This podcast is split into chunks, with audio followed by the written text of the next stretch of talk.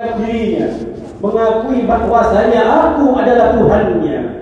Lalu aku meninggalkan dia begitu saja tanpa aku memberikan cobaan sedikit pun pada keimanannya. Hadirin rahmatullah ketika iman kita semakin kuat ketika iman kita semakin bertambah ketika kedekatan kita spiritual kita di hadapan Allah Subhanahu wa taala semakin dekat semakin besar juga cobaan yang Allah Subhanahu wa taala akan berikan kepada kita. Tidak mudah hadirin rahimahullah.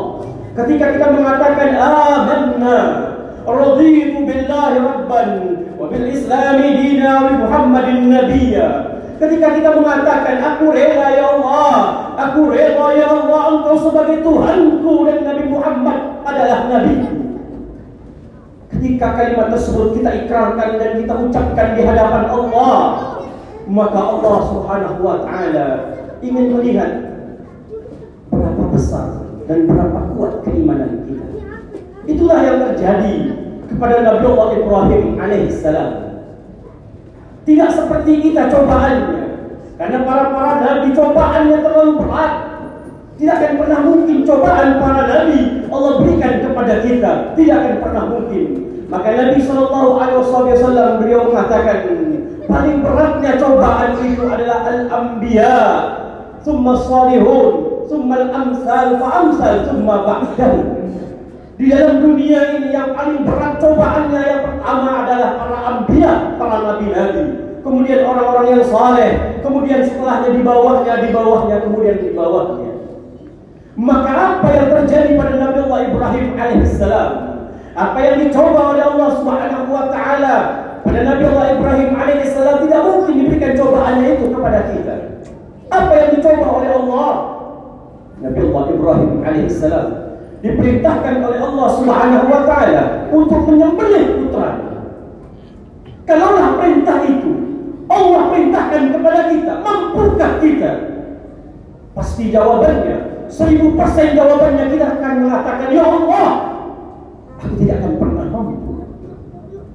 Tapi Allah Subhanahu wa taala tahu keimanan Nabi Allah Ibrahim alaihissalam. Allah coba. Kenapa Allah coba? Iya. Karena di waktu itu Nabi Allah Ibrahim alaihissalam begitu mencintai putranya. Bagaimana tidak? Dalam tafsir Ibnu Katsir di Muqaddimati, Nabi Allah Ibrahim alaihissalam berharap dan berdoa kepada Allah Subhanahu wa taala. Untayan doanya, Rabbi habli minas shalihin. Ya Allah, karuniailah aku seorang putra yang soleh. 80 tahun menunggu seorang putra. Lalu Allah jawab doa Nabi Allah Ibrahim setelah 80 tahun. Fabasyarnahu bi ghulamin halim.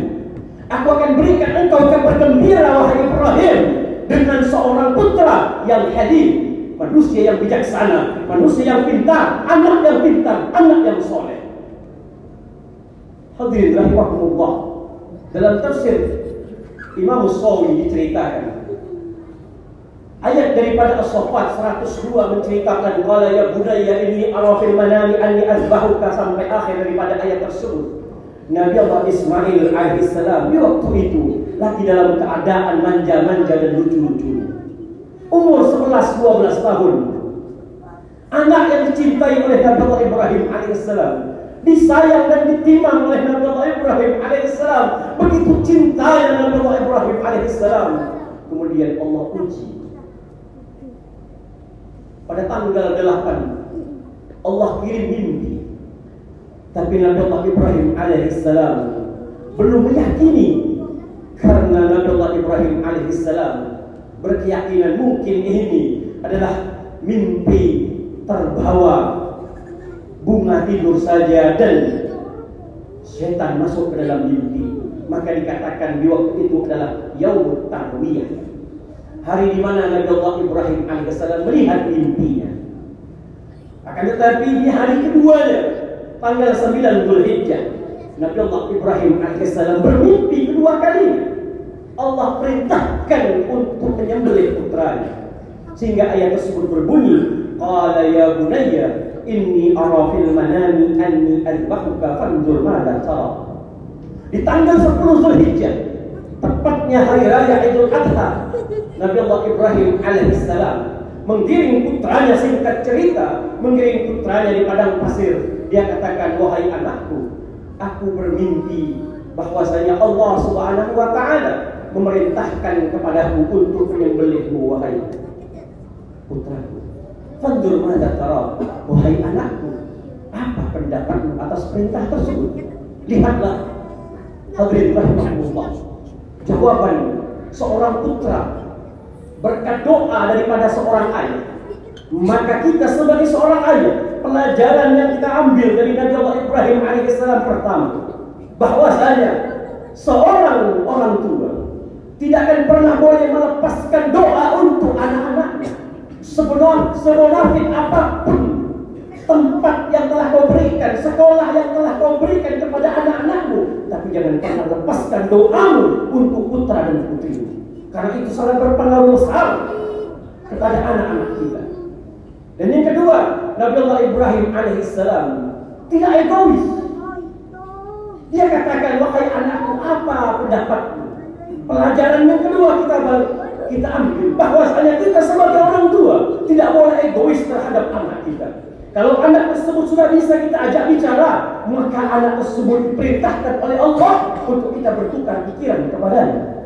Makanya ayat tersebut mengatakan, "Fanzur tara." Wahai anakku, wahai putraku, apa pendapatmu atas perintah Allah tersebut? Seandainya Nabi Allah Ibrahim alaihissalam tidak mengatakan dan meminta pendapat kepada anaknya, boleh-boleh saja karena itu perintah Allah.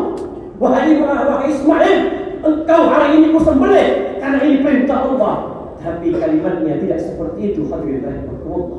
Allah katakan, bagaimana pendapatmu hai anakku kata Nabi Ibrahim. Hadirin rahimahullah. Tapi apa jawab? Berkah doa tersebut.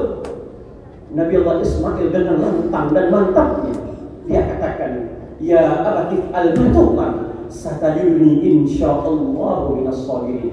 Wahai ayahku, kerjakan apa yang diperintahkan oleh Allah. Jangan kau takut dan jangan kau ragu. Kau sembelih aku wahai ayahku. Kelak nanti kau akan dapati aku termasuk daripada orang-orang yang sabar. Hadirin rahimahullah. Kalau kita lihat anak-anak kita saat ini, mungkinkah kalimat itu kita berikan kepada anak-anak kita memerintahkan anak kita sesuatu yang kecil saja, dia balas dengan ucapan, dia balas dengan kata-kata yang kasar, dia balas dengan ini dan itu. Satu kata kita ucapkan, ribuan kata dia keluarkan dari mulut Hadirin rahimahullah. Inilah anak-anak saat ini. Minimnya pengetahuan tentang agama, minimnya kedekatan dia kepada Allah. Orang tua tidak mendidik dia dengan agama, hanya dia berikan ilmu formal saja. Tidak tanamkan keimanan yang kuat kepada anak-anaknya sehingga besar orientasinya adalah harta, harta, harta. Ketika dia punya pangkat, ketika sekolahnya dia sekolahkan setinggi mungkin. Setelah keluar dari sekolahnya, dia bantah ayahnya. Bahkan berapa banyak kita lihat di media sosial, anak bisa membunuh orang tuanya, anak bisa menyembelih orang tuanya. Karena apa? Karena tidak ada pengetahuan agama dalam diri. Siapa yang kita salahkan? Apakah kita hanya menyalahkan anak-anak kita? Sedangkan kita sebagai orang tua tidak pernah mendidikkan, menanamkan background agama yang kuat dalam diri. Silahkan sekolahkan anak-anakmu setinggi langit untuk mencapai cita-citanya. Tapi jangan lupakan dia kepada sang penciptanya, Allah Subhanahu wa taala. Maka hadirin rahimakumullah. Kalaulah Nabi Allah Ibrahim alaihissalam dicoba oleh Allah Subhanahu wa taala, maka makna daripada Idul Adha Al-Udhiyah. Apa makna Udhiyah? Udhiyah itu artinya adalah pengorbanan. Saat ini, hai engkau yang mempunyai harta yang berlebih. Hai engkau yang mampu membeli mobil dan miliaran rupiah. Hai engkau yang mampu membeli mobil yang ratusan juta rupiah. Saat ini kau dicoba oleh Allah. Saat ini kita dicoba oleh Allah. Mampukah kita berkorban untuk Allah? Ketika Allah berikan engkau harta yang berlimpah ruah. Ketika Allah berikan engkau jabatan yang tinggi. Rezeki yang banyak. Allah coba. Apa yang Allah coba? Allah sedikit mencoba kita dengan harta. Maukah kau berbagi dengan sesama? Allah tidak meminta engkau bukan Allah butuh dengan daging tersebut tidak. Inna Allah la yaqbalu luhumha wa la dima'uha walakin Allah Allah tidak menerima. Bukan yang Allah terima itu dagingnya bukan. Allah juga bukan menerima darahnya bukan. Walakin Allah yang tagabbal Allah taqwa minkum. Tapi yang Allah terima itu ketakwaan kita Bagaimana kita ketika ayat ini datang, ketika cerita ini datang, mampukah kita mengaplikasikannya dalam kehidupan kita? Ketakwaan kita kepada ayat ini yang Allah Subhanahu wa taala ingin uji kita. Maka dalam riwayat Abi Hurairah radhiyallahu taala anhu yang disahihkan dari para al-muhaddisin di antaranya Imam Tirmizi, Ibnu Majah, dan Qutni, atau Marani dan banyak sekali para hadis bahkan Al-Imam Hanafi mengklaim bahwasanya korban itu wajib bagi mereka yang mampu dan mempunyai harta yang lebih. Sebuah hadis yang Nabi Shallallahu Alaihi Wasallam mengatakan, "Man wajada sa'atan falam nubai yakrubanna musallana." Nabi mengatakan barang siapa yang Allah Subhanahu wa taala berikan keluasan rezeki akan tetapi dia tidak mau berkorban wala yakrubanna musallana. Nabi tegaskan, Nabi ancam, Jangan sekali-kali kau dekat dengan masjidku. Jangankan untuk dekat dengan Nabi Muhammad. Dekat dengan masjidnya pun tidak diperbolehkan. Maka di sinilah mazhab Imam Hanafi mengatakan korban bagi orang yang mampu itu hukumnya wajib. Hanya saja Aibatul Salasa, Imam Syafi'i, Al-Imam Malik, Imam Ahmad bin Hanbal mengatakan tidak, semua itu hukumnya sunnah muakkadah. Maka hadirin rahimakumullah, intinya ketika Allah Subhanahu wa taala berikan kita harta yang lebih, ayo berkorbanlah kita. Maka korban tersebut tidak akan pernah sia-sia. Saya tutup dengan sebuah hadis Nabi sallallahu alaihi wasallam di mana Nabi sallallahu alaihi wasallam mengatakan bahwasanya kelak nanti hewan-hewan korban tersebut akan menjadi tungganganmu kelak nanti ketika engkau menyeberangi jembatan Shiratal Mustaqim. Adzimu dhahayakum fa innahu 'ala sirati matayakum. Bukankah kita hidup di dunia ini ketika kita mempunyai kendaraan betapa tenangnya kita. Mudah bagi kita untuk beraktivitas karena kita punya kendaraan. Tapi di saat itu rahimahullah, kita butuh kendaraan. Tidak akan pernah kita bisa meminjam sana dan sini. Kalau di dunia kita bisa meminjam, tapi di saat itu kita tidak akan pernah bisa meminjam. Kita butuh kendaraan untuk menyeberangi jembatan Siratal Mustaqim.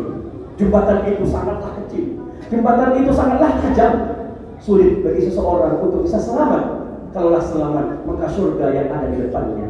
Tapi Nabi Shallallahu Alaihi Wasallam memberikan kita kabar gembira. Apa itu kabar gembira tersebut?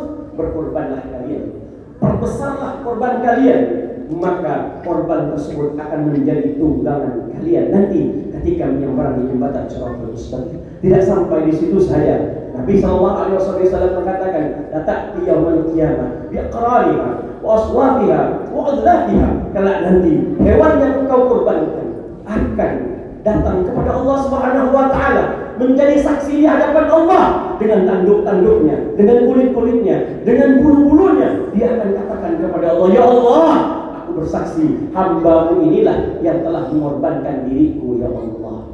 Maka hadirin rahimahullah mudah-mudahan Allah subhanahu wa ta'ala berikan luas rezeki kepada kita. Mungkin saat tahun ini kita belum bisa berkorban tapi tanamkan niat kita untuk bisa berkorban di tahun yang akan datang. Amin. Amin. Ya rabbal alamin. A'udzubillahi samil alim. Minasyaitonir rajim bismillahirrahmanirrahim. Wal 'asr innal insana lafi khusr illa الذين آمنوا وعملوا الصالحات وتواصوا بالحق وتواصوا بالصبر بارك الله ولكم في القرآن العظيم ونفعني وإياكم بما فيه الآيات والذكر الحكيم. أقول قولي هذا وأستغفر الله العظيم لي ولكم ولوالدي ولوالديكم ولسائر المسلمين فاستغفروه إنه هو الغفور الرحيم. اللهم صل على سيدنا محمد. اللهم صل على سيدنا محمد. اللهم صل على سيدنا وحبيبنا وسيدنا ومولانا محمد. الحمد لله. الحمد لله حمدا كثيرا كما أمر أن لا إله إلا الله وحده لا شريك له وما لمن يهدى به وكفر وأشهد أن سيدنا محمدا عبده ورسوله سيد الخلائق والبشر. اللهم صل وسلم على سيدنا محمد ما اتصلت اين بنظر ووزن بخبر من يومنا هذا إلى يوم المعشر بعد فيا ايها الناس اتقوا الله فيما أمر وانتهوا ما نهاه وحذر واعلموا ان الله امركم بامر في بنفسه وسلم بملائكه المسبحه بكرسي فقال تعالى ان الله وملائكته يصلون على النبي يا ايها الذين امنوا صلوا عليه وسلموا تسليما اللهم صل وسلم على سيدنا محمد وعلى سيدنا محمد كما صليت على سيدنا إبراهيم وعلى سيدنا إبراهيم وبارك على سيدنا محمد وعلى سيدنا محمد كما باركت على سيدنا إبراهيم وعلى سيدنا إبراهيم في العالمين انك حميد مجيد ورضي الله تعالى عن الصحابه الكرام ذي القدر الاجر والفخر الجليل. سادتنا أبي بكر وعمر وعثمان وعلي والكافة العشره المبشرين بالجنة. وجميع اتباع رسول الله وأصحاب رسول الله وأحباب رسول الله وذرية رسول الله. وتبي تبين من تبعهم بإحسان إلى يوم الدين. وارضانا معهم فيه برحمتك يا أرحم الراحمين. اللهم اغفر. للمسلمين والمسلمات والمؤمنين والمؤمنات الاحياء منهم والاموات ويا قادر الايات ويا كافي المهمات اللهم اعز الاسلام والمسلمين واهلك الكفر والمشركين وعلي كلمتك الى يوم الدين اللهم انصر اخواننا في فلسطين اللهم انصر اخواننا في سوريا اللهم انصر اخواننا في اليمن اللهم انصر اخواننا في جميع البلدان المسلمين عامه وبالخصوص بلدتنا الاندونيسيه ربنا اتنا في الدنيا حسنه وفي الاخره حسنه وقنا عذاب النار عباد الله إن الله يقول بالذي والإحسان وإليه القربى وينهى عن الفحشاء والمنكر والبغي يعظكم لعلكم تذكرون فاذكروا الله العظيم يذكركم واشكروا على نعمه يزدكم واسألوه من فضل يؤتكم ولذكر الله أكبر والله يعلم ما تصنعون. الله أكبر الله أكبر. أشهد أن لا